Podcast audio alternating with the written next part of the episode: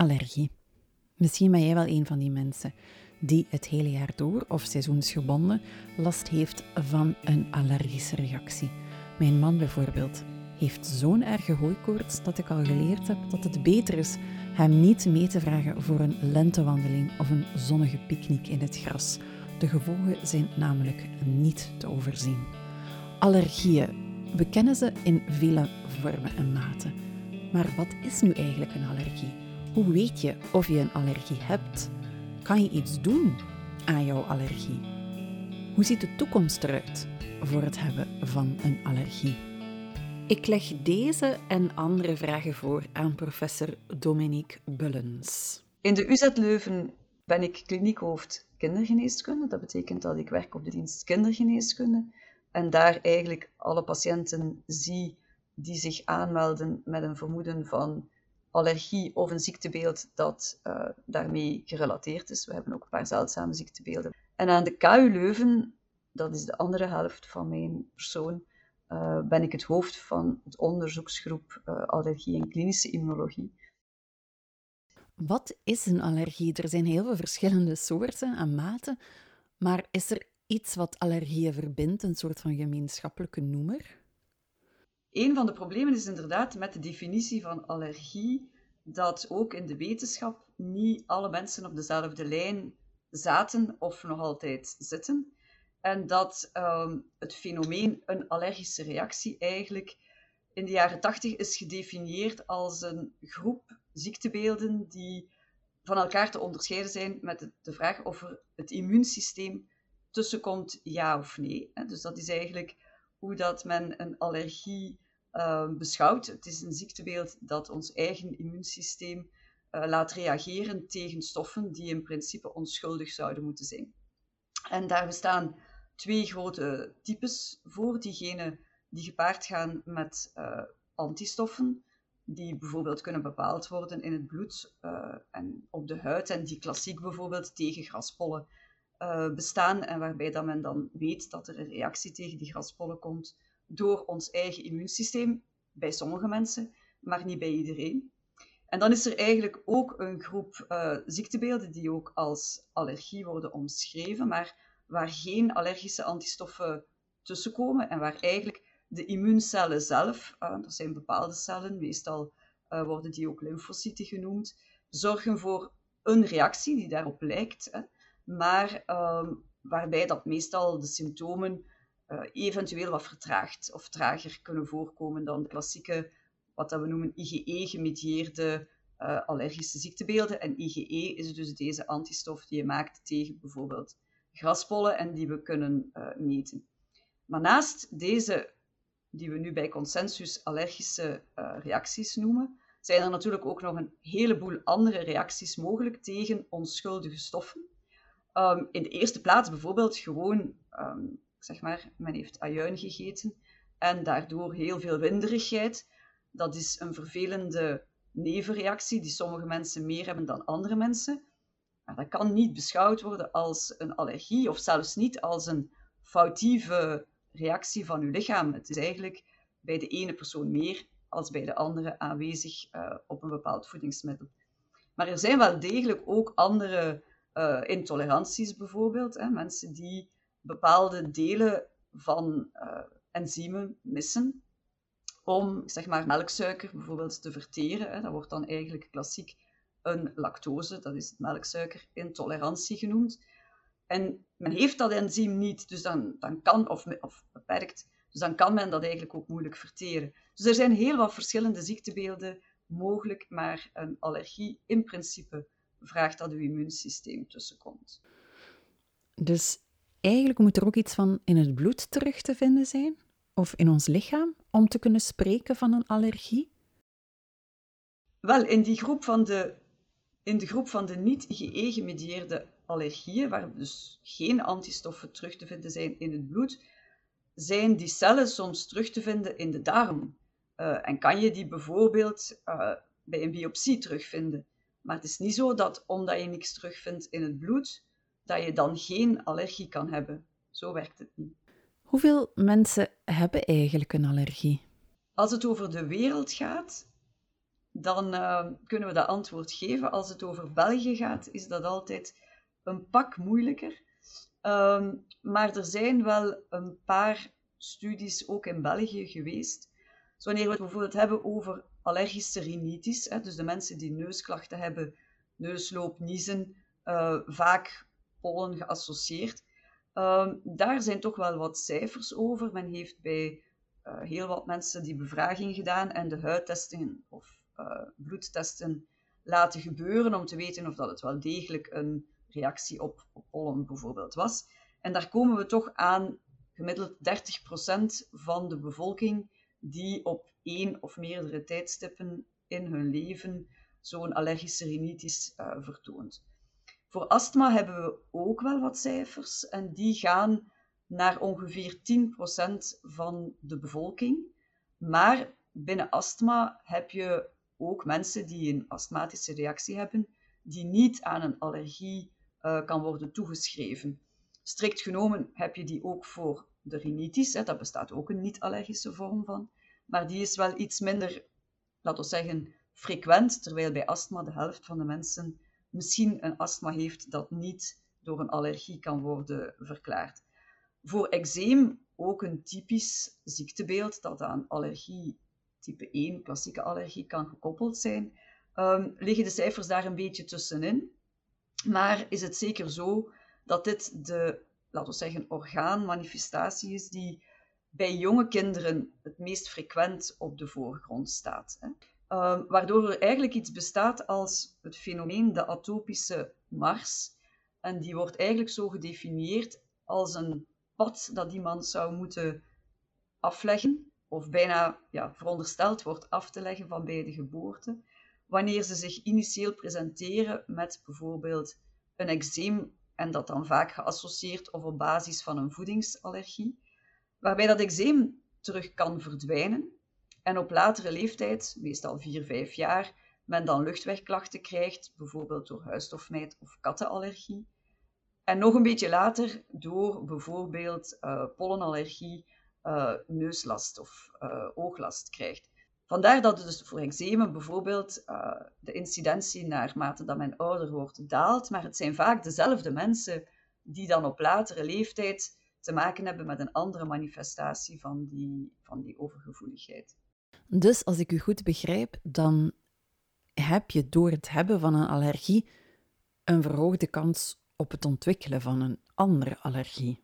De atopische mars is geen toevalligheid, inderdaad. Is eigenlijk een ziektebeeld bij mensen die een familiaal hoger risico lijken te hebben op het maken van die IgE-antistoffen tegen onschuldige dingen. Dus daar zal waarschijnlijk wel een genetische factor zijn die mee bepaalt waarom mensen ineens IgE's gaan aanmaken tegen dingen die eigenlijk onschuldig zijn.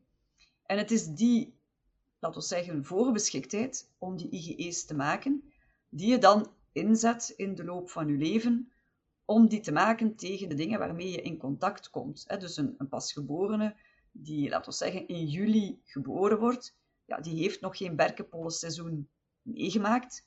Dus die kan per definitie natuurlijk ook nog geen antistoffen tegen die berkenpol ontwikkelen. En zo kom je in de loop van je leven vaker met nieuwe dingen in contact en heb je de mogelijkheid dat IgE's ontstaan. Het is geen garantie, maar we zien daar wel een zekere vorm van frequenter voorkomen van sommige allergenen dan andere uh, in ontstaan. Is een allergie erfelijk? Er zijn daarover ook wel wat cijfers. Dus men denkt dat als er niemand in uw familie een atopische belasting heeft, je ongeveer 10% kans hebt om allergisch te worden. Als één ouder, zeg maar, of één sibling het uh, heeft, die allergische uh, predispositie, dan kan je tot 30% kans hebben om zelf een allergie te ontwikkelen. En als je geboren wordt uit twee ouders die alle twee een allergie hebben, dan kan je tot 60, in sommige studies zelfs 80% kans hebben om zelf een allergie te ontwikkelen.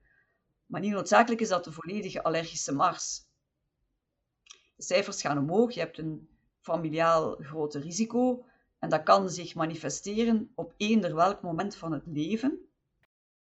Er zijn allergieën die, ja, hoe zal ik het zeggen, meer tot de verbeelding spreken dan andere. Ik heb er twee woorden voor gevonden: anafylactische en anafylaxische. Ik weet niet wat het juiste is, maar het, het hebben van een anafylactische shock bijvoorbeeld. Het is een anafylaxie. Dus de, het woord komt van het Grieks, hè, anafylaxie. Um, maar het gaat inderdaad om een anafylactische shock, als men het gaat, uh, laten we zeggen, verbuigen. Maar op zich betekent dat dus inderdaad een uh, reactie die um, anders is uh, dan, dan je verwacht. Hè. Dus een ernstige reactie die voorkomt bij sommige mensen, maar die, ja, laten we zeggen, heel uitzonderlijk ook tot shock en overlijden kan aanleiding geven. En men spreekt nu simpelweg gesteld van een anafylactische reactie of een anafylaxie wanneer twee organen betrokken zijn bij een reactie. Bijvoorbeeld, men staat van hoofd tot tenen vol met uh, allerlei grote rode vlekken. Dat is dan de huid, dat is één orgaan.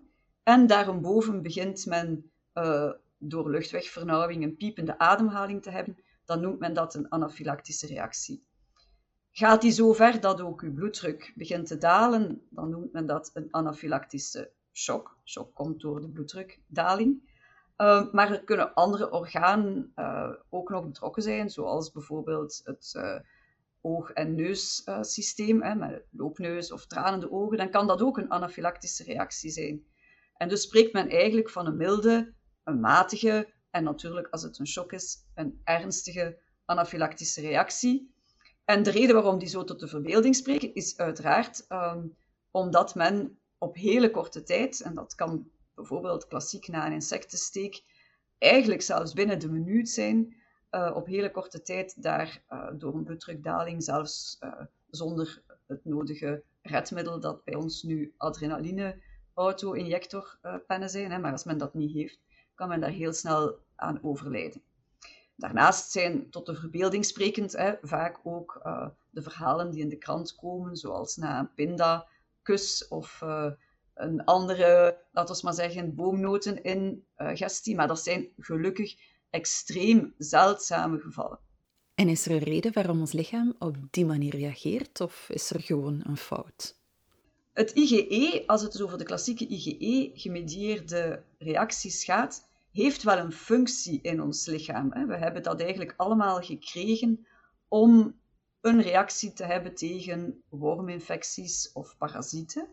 Zoals we andere antistoffen hebben, denk maar aan de COVID-antistoffen die we kunnen gebruiken om in te zetten in de verdediging tegen andere infecties. Maar in de westerse wereld zijn worminfecties en parasitaire infecties zeldzaam geworden, waardoor dus dat, laten we zeggen, normale gebruik van die IgE's niet meer zo frequent nodig is. En men die nu ineens is gaan gebruiken tegen delen uh, waar dat niet voor nodig was. Waarom dat dat specifiek gebeurt, en vaak is dat wel wat familiaal gebonden, is vandaag denk ik nog niet duidelijk. Men heeft daar allerhande theorieën over. Zo kan bijvoorbeeld een deel van die dingen waar men als onschuldige stoffen tegen gaat reageren, gelijkenissen vertonen met deeltjes die ook terug te vinden zouden kunnen zijn in wormen of parasieten. Uh, dat zou een verklaring kunnen zijn, maar uh, het is niet zo, niet zo duidelijk dat dat een verklaring is, want de berkenpol en, uh, laten we maar zeggen, een klassieke parasiet zijn nu toch wel sterk van elkaar verschillend. We hebben het nu gehad over meer voorspelbare vormen van allergieën, die, die, um, die, die weg die je kunt afleggen. Um, maar er zijn toch ook allergieën die plots lijken te overvallen. Je had nooit last van huisstofmijt en nu plots kan je er niet meer tegen. Is dat ook echt zo dat die plots ontstaan? Het is zeker bij sommige mensen inderdaad plots. Hè. En naarmate dat dus die familiale voorbeschiktheid een beetje kleiner is, lijkt het inderdaad zo te zijn dat die later in het leven plots kan ontstaan. En daar werden zelfs ook verschillende begrippen voor gebruikt. Dus dat betekent dat ook in de wetenschap men die twee fenomenen een beetje uit elkaar lijkt te halen. De groep die dus van bij de geboorte lijkt voorbeschikt te zijn en daar eigenlijk een pad volgt en op andere allergenen gaat reageren.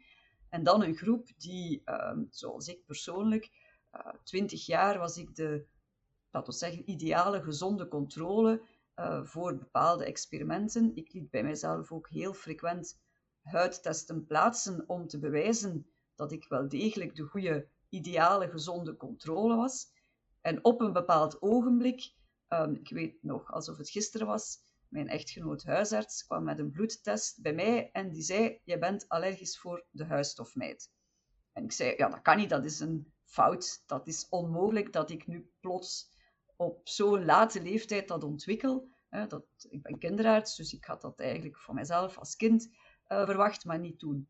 En ik heb dan uh, tijdens een, een, les bij de studenten huidtesten laten plaatsen, omdat ik mijn echtgenoot dacht te overtuigen, die was daar dan niet bij, maar ik dacht er dan wel een fotootje van te nemen, uh, dat, dat, zich, dat hij zich vergist had, of dat het labo zich had vergist. En mijn verrassing dat die test ineens heel sterk positief was en ook geassocieerd was eigenlijk ook al een paar maanden, want daarom had hij natuurlijk ook wel de test gedaan, met uh, niesbuien in de ochtend of uh, wateroogjes. Dus het kan met zekerheid ook op latere leeftijd plots, en dus wel degelijk plots, ontstaan. Maar uw vraag was waarom? En dat is iets waar ik het antwoord schuldig moet op blijven. Uh, wat er dan bij mij plots zou kunnen veranderd zijn. En het N is één, namelijk één proefpersoon, is meestal niet de beste manier om onderzoek te doen. Maar zelfs die ene persoon die ik zelf ben, uh, daar kan ik het antwoord niet op geven wat er dan plots zou zijn veranderd. En dus voor de, de wereld en epidemiologisch heeft men dat nog veel moeilijker om dat in kaart te brengen, omdat inderdaad die data vooraf meestal ontbreken. Hè. Men heeft eigenlijk de diagnose op een bepaald ogenblik, maar voordien, als er geen symptomen waren, heeft men helemaal geen idee of mensen dan al allergisch waren. Ik heb zelf zo'n studie gedaan waar ik kinderen zes jaar heb gevolgd en dan wel degelijk met voorbedachte raden op meerdere tijdstippen een bloedtest heb gedaan. En men zag dan inderdaad die twee groepen, de groep die vroeg allergisch was en die als het ware dat atopische pad gaan volgen, en de andere groep die ook nog vroeg, want dat was tot zes jaar, dus zeker niet tot later in het leven, maar veel later dan die andere groep dat heeft ontwikkeld. Maar zelfs binnen die groep kon ik het antwoord waarom is dat bij die groep nu later niet echt formuleren. Maar je ziet wel een ander patroon. Je ziet andere type allergieën, meer pollenallergie um, en veel minder voedingsallergie. Uh, dus het lijkt een beetje een ander fenomeen te zijn, maar ik uh, heb geen antwoord, nog niet waarom. Er wordt vaak beweert dat er nu meer mensen allergisch zijn dan vroeger. Is dat ook zo? IgE-metingen kunnen we eigenlijk sinds de ontdekking, en dat is eigenlijk al van 67, dat is mijn geboortejaar, daarom weet ik dat, uh, doen.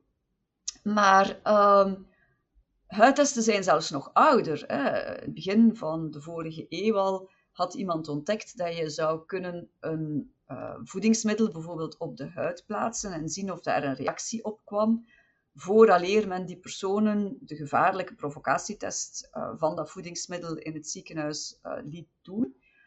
Met andere woorden, naar diagnostiek toe is er wel iets veranderd omdat de producten wat opgezuiverd zijn of beter ter beschikking kunnen komen van, van kleinere labo's en zo. Maar eigenlijk is er heel weinig veranderd in hoe we die diagnose stellen. En dus denk ik dat uh, als we inderdaad een stijging van de cijfers zien, en die lijken toch wereldwijd aanwezig te zijn, dat we dat toch als een realistisch uh, fenomeen mogen beschouwen en dat er dus wel degelijk een stijging is.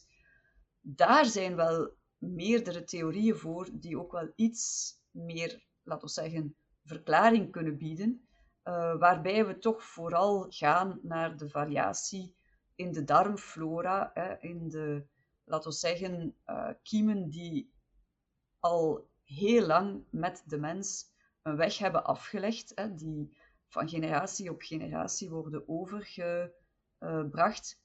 Recent was er zelfs uh, in het nieuws een fenomeen waarbij men nog veel, veel vroeger, uh, voordat Homo sapiens ontstond, zelfs heeft kunnen zien wat de kiemen waren die bij die uh, voorouders van ons ehm, aanwezig waren. Dus het is een, fenomeen dat al miljoenen jaren bestaat. In die, in die darmflora lijkt um, wijziging te komen van generatie op generatie en misschien sneller dan voordien het geval was, door ja, hele grote veranderingen in, in onze levensstijl. Hè.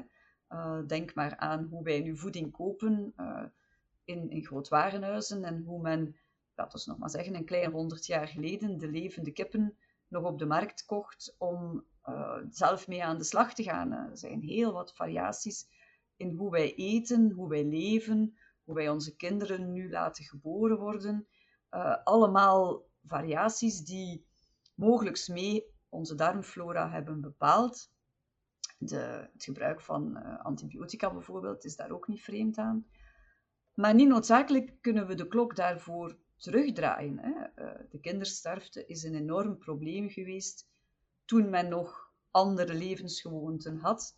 Uh, daar hebben wij het geluk dat die westerse wereld en onze, ja, laten we maar zeggen, een andere manier om kinderen ter wereld te brengen enzovoort, een groot verschil kan maken. Maar misschien is dat een deel van, van wat zeggen, de, de westerse weelde uh, ook wel heeft meegebracht. Dat is niet onmogelijk. En als u spreekt over darmflora, moet ik dan vooral denken aan allergieën die voedselgerelateerd zijn? Het punt is um, dat het antwoord tweeledig is. Enerzijds is onze darmflora een voorbeeld van de kiemen die met ons mee reizen. Maar die zitten niet alleen in ons darm. Onze huid, een andere belangrijke barrière, heeft ook heel veel uh, commensalen, dus kiemen die we met ons meedragen. En men heeft zelfs ontdekt dat die ook in onze luchtwegen zitten. In de neus is dat niet zo ongewoon uh, om die te verwachten, maar ook in de onderste luchtwegen, dus uh, onze longen, daar zit eigenlijk ook een, een microbioom.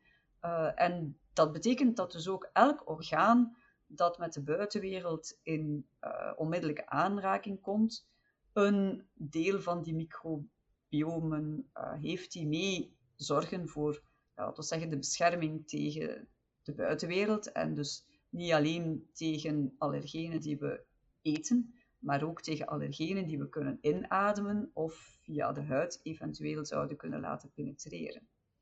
Maar daarnaast is de tweede verklaring inderdaad dat onze darmflora meer doet dan zich alleen tegen uh, de dingen die we eten uh, verzetten, omdat er hoogstwaarschijnlijk ook van daaruit tolerantie kan ontstaan. Hè? Dat men bepaalde, laten we zeggen, uh, onschuldige stoffen ja, leert kennen als een onschuldige stof en dus daar cellen kan doorkweken die dan kunnen reizen in ons lichaam uh, en die dan, ja, laten we zeggen, uh, in principe verondersteld worden om niet te reageren als zij opnieuw deze onschuldige stof ontmoeten. We hebben het aan het begin van dit gesprek er al even over gehad hoe je weet dat je een allergie hebt of wat een allergie is. Hoe wordt een allergie gediagnosticeerd? Hoe weet je als patiënt, ik heb een allergie? Het gaat er in eerste instantie inderdaad om om goed te proberen na te vragen wat zijn de symptomen? Wat is eigenlijk uw probleem? Uh, en waar, ja, denk ik op dat ogenblik dat een allergie inderdaad de verklaring zou kunnen zijn. Ook al heeft de patiënt daar misschien andere ideeën over. Hè. Soms komen mensen met het idee dat ze zelf allergisch zijn. Uh, en is dat niet noodzakelijk voor mij ook het geval. Um, dus het is heel, heel belangrijk, denk ik, om daarvoor tijd te nemen. En een van de problemen in onze, laten we maar zeggen, Belgische gezondheidszorg, is dat het begrip allergologie eigenlijk niet erkend is. Hè? Dus wij hebben een aantal mensen die werken in die sector. Ik durf wel zeggen dat de meerderheid van hen, misschien zelfs allemaal, heel goed opgeleid is en ook heel goed weet waar ze mee bezig zijn. Maar apart worden wij daar niet voor onderscheiden. En dat betekent dus ook dat andere mensen die ja, bepaalde ideeën hebben over deze wetenschap, uh, ook als allergoloog of specialist uh, zouden kunnen aan het werk zijn. We hebben geen beschermd statuut. Kan je eigenlijk iets doen om een allergie te voorkomen? In, in het begrip wetenschap wordt dan primaire en secundaire preventie gebruikt. Dus primaire preventie wil inderdaad zeggen, ik zou iets willen doen om te zorgen dat mijn nog ongeboren kindje geboren wordt als niet allergisch en voor de rest van zijn of haar verdere leven ook niet allergisch mag blijven. Maar het lijkt toch nog altijd niet zo te zijn dat dat gekoppeld is met hele grote dingen uh, die je kan gaan doen of waar iedereen achter staat uh, dat je die kan gaan doen. Secundaire preventie wil dan bijvoorbeeld zeggen, ik ben al op het allergische pad, ik weet al dat ik een ei-allergie heb vastgesteld bij mijn patiënt. En dan zouden we iets willen doen om te zorgen dat hij niet daarna ook nog een katten- of een huisstofmijtallergie ontwikkelt. Ook daar heeft men toch niet zo heel veel evidentie dat er uh, goede dingen zijn die je daar kan gaan doen. Uh, maar we weten wel dat er zo'n soort window of opportunity bestaat. Hè. De eerste zes maanden lijken toch cruciaal uh, om tolerantie te, te ontwikkelen. Er was ook de bedoeling van een hele grote studie uh, in, in Vlaanderen, uh, laten we zeggen, te doen om, om al de geboortecohortes die er waren samen te voegen en, en te kijken of dat er inderdaad naar ontwikkeling van allergie en astma toe of dat we echt die window konden definiëren en een paar merkers eventueel konden bekijken om te zien hoe dat we daar ja, voor de volgende generatie eventueel uh, mee zouden kunnen omspringen. Um, en ook al is dat project uh, met meerdere onderzoeksgroepen samen zeer positief bevonden, klaarblijkelijk was het toch een beetje te duur. Um, en hebben we daar de middelen niet voor gekregen. En dat is vaak ook een van de, van de dingen die uh, wat lange termijn onderzoek betreft altijd een probleem zijn. Hè. Je krijgt de resultaten pas na meerdere jaren. En niet noodzakelijk zijn de resultaten uh, positief of, of heb je er een duidelijke, uh, laten we maar zeggen, belangrijke wetenschappelijke uitkomst.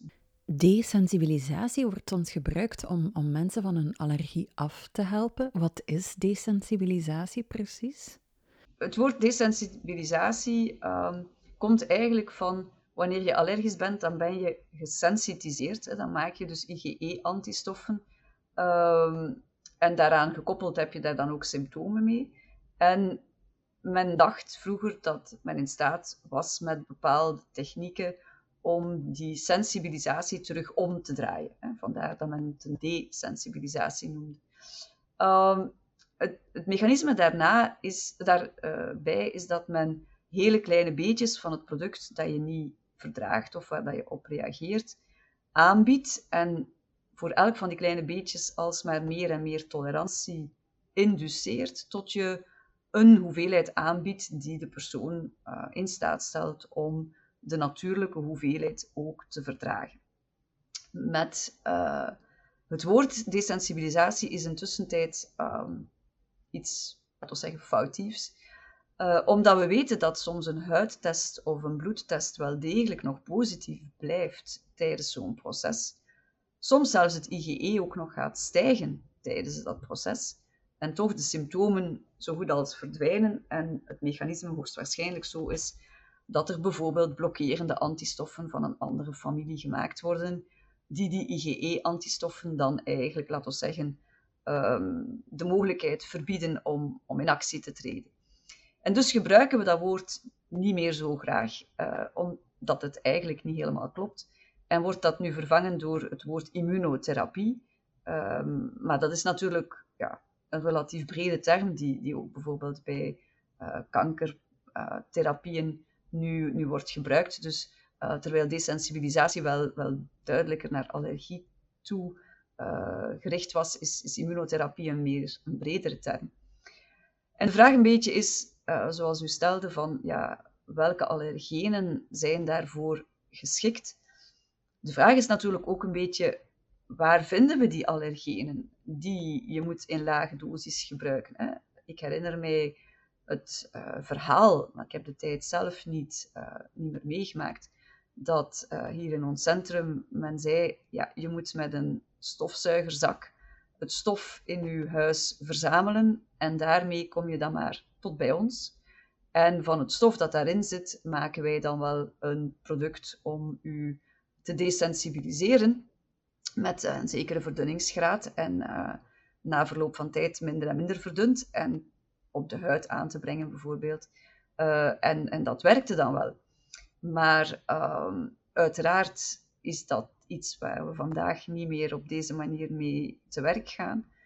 En op dezelfde manier als het aantal allergenen dat moet gemaakt worden voor de diagnostiek, moeten die allergenen ook gemaakt worden in de bedrijven voor de immunotherapie. Uh, en in meerdere, laten we maar zeggen, um, concentraties worden aangeboden en uh, beschikbaar gesteld. En dat betekent dat we dat in hoofdzaak uh, nu nog over hebben voor ook de meest klassiek voorkomende allergenen. We zijn daar verdrietig om, uh, want het was vroeger wel anders. Maar nu betekent dat vooral uh, voor pollen, voor huisstofmijt. Um, en men probeert het, um, ja, laten we zeggen, soms wel uh, gepersonaliseerd te doen. En natuurlijk de gouden standaard voor zo'n immunotherapie is een insectengifallergie. Daar wordt het als een, laten we zeggen, noodzakelijke therapie uh, beschouwd. De tabletjes die bestaan nu voor grassen en huisstofmijt en, en voor de volwassenen ook al beschikbaar zijn voor de berkenpol, die werken zeer goed en daarvan is het, uh, laten we maar zeggen, een beetje meer, de reactie lijkt een beetje meer op wat dat je met medicatie kan bewerkstelligen. Maar in werkelijkheid is zo'n tablet eigenlijk ook een gecomprimeerde samenstelling van, van de allergenen die je um, gaat gebruiken om, om immunotherapie toe te passen. En wanneer wordt nu precies voor immunotherapie gekozen? We gaan altijd immunotherapie opstarten in functie van de symptomatologie en de mogelijkheid om, um, laten we maar zeggen, de symptomen met immunotherapie gunstig te beïnvloeden. We weten dat dat bijvoorbeeld bij pollen meestal makkelijker gaat uh, dan bij huisstofmijt. En we weten bijvoorbeeld ook dat neuslast makkelijker door de immunotherapie wordt gecorrigeerd dan eczeem of astma um, als gevolg van die blootstelling aan die allergeen. Dus indien een volwassene een bepaald ogenblik uh, door een pollenallergie zo dat we maar zeggen, veel last heeft dat hij, uh, ik zeg maar iets, de hele dag zit te snotteren en een soort uh, ziekteverzuim daardoor noodzakelijk uh, heeft, of, of geen, laten we zeggen, fijne manier om zijn of haar job te doen. En, en met medicatie dan bijvoorbeeld ook onvoldoende geholpen is of, of erg slaperig is, dan zou ik die persoon absoluut aanraden om immunotherapie toe te passen. En het feit dat het in België ook niet terugbetaald is, maakt dan ook nog wel eens dat uh, sommige mensen die er wel degelijk ook de indicatie voor zouden hebben volgens ons, um, geen toegang toe hebben. Uh, Zo'n uh, producten zijn ja, toch wel duur en, en worden ook op langere termijn noodzakelijk geacht. Je kan dat niet met zes maanden therapie doen. En dat betekent dat we, ja, wat dat betreft, jammer genoeg ook nog een beetje in België vooral dan tekortschieten. Dus als ik u goed beluister, dan zijn er zowel praktische overwegingen zoals de kostprijs en uh, de voorradigheid van, van specifieke producten die bedrijven kunnen maken, omdat er toch wel heel grote eisen gesteld worden aan de zuiverheid van een allergeen, maar het is ook niet helemaal zonder gevaar. Ja, dat klopt ook wel een beetje. Um, niet alleen het allergeen, maar ook de manifestatie van het individu is altijd mogelijk. Je mag niet vergeten dat je de producten waar de persoon niet tegen kan, ja, dat je net die producten gaat aanbieden aan die persoon. Um, dus laten we maar zeggen, iemand die een pinda-allergie heeft en alleen al op de geur van pinda een uh, anafylactische reactie doormaakt en die mensen bestaan, ja, ik denk niet dat ik van plan ben van die kleine beetjes pinda te geven of in te spuiten. Hoe schat u de toekomst in voor het, het hebben of het krijgen van een allergie? Eh, zou er een effect kunnen zijn van de coronacrisis en, en onze toenemende mate van hygiëne op het krijgen van allergieën? De, de hygiënetheorie is een, een theorie die al een, een aantal jaren oud is, waarbij men eigenlijk initieel dacht blootstelling aan kiemen uh, gaan de darmflora mee bepalen. En door het feit dat wij te proper zijn, uh, ook te weinig contact hebben met infecties op jonge leeftijd, uh, daardoor, laten we zeggen, minder kans hebben om ons immuunsysteem te prikkelen, um, is, is mogelijk een verklaring voor de stijging van de allergie. Deze hygiënehypothese heeft wel meerdere voor- en tegenargumenten en wordt eigenlijk, ook al weten we dat darmflora dus toch wel belangrijk is, niet meer als dusdanig helemaal correct uh, bevonden. Maar daarnaast is het fenomeen hygiëne, hè, het ons frequent wassen, het bezig zijn met onze, laten we maar zeggen, um, properheid, een, een, een, ander facet dat eigenlijk niet noodzakelijk in die hygiënehypothese um, verwerkt zat. Vandaar dat dus die echte hygiëne uh, niet noodzakelijk als een, risicofactor voor het verder ontstaan van allergie wordt beschouwd. Maar de barrière is dat des te meer. En uw tweede vraag dan, hoe gaan we dat met COVID doen, uh, omwille van het feit dat we nu ook veel gebruik maken van ontsmettingsmiddelen enzovoort, uh, die houdt mij heel sterk bezig hè, in voordrachten voor de corona heb ik mij heel vaak bezig gehouden om de mensen aan te leren om niet een handshell te gebruiken omdat ze toevallig een keer een uh, busstang hadden vastgehouden of uh, onmiddellijk nadat ze van de bus waren afgestapt en de klink hadden vastgenomen, uh, hun handen te gaan gebruiken met zo'n handshell. Of ook in crashes om niet elke fopspeen die op de grond viel, met alle middelen die er waren, eerst bij wijze van spreken te desinfecteren, voordat die terug aan, aan het kind werd gegeven. In de normale dagelijkse context is contact met kleine beetjes ook contact met, laten we maar zeggen, bestaande kiemen, die niet noodzakelijk pathologische kiemen zijn, heel belangrijk. Maar nu zitten we dus in een fenomeen waarbij we 20, 30, 40 keer op een dag, als je gewoon gaat winkelen in de Bondgenootlaan of in een andere straat, afhankelijk van waar je woont, uh, van de ene naar de andere winkel binnenstapt, ja, dan doe je elke keer opnieuw uh, een desinfectie van de handen. Dat wordt dan eigenlijk ook wel als normaal beschouwd. Wanneer je dat niet doet, wordt het zelfs beschouwd als een, laten we maar zeggen, risico op uh, verspreiding in die specifieke winkel van het COVID. En dus alle mensen die, die de barrière geleerd hebben nu terug te verstoren, um, hebben niet daarbij ook geleerd om bijvoorbeeld handgel te gebruiken, um, die dan, dat wil zeggen, ook een soort crème die, die terug de huidbarrière beter maakt. Hè. We hebben wel maatregelen ingesteld, maar we hebben die niet gecompenseerd. En ik heb daar toch wel wat bedenkingen.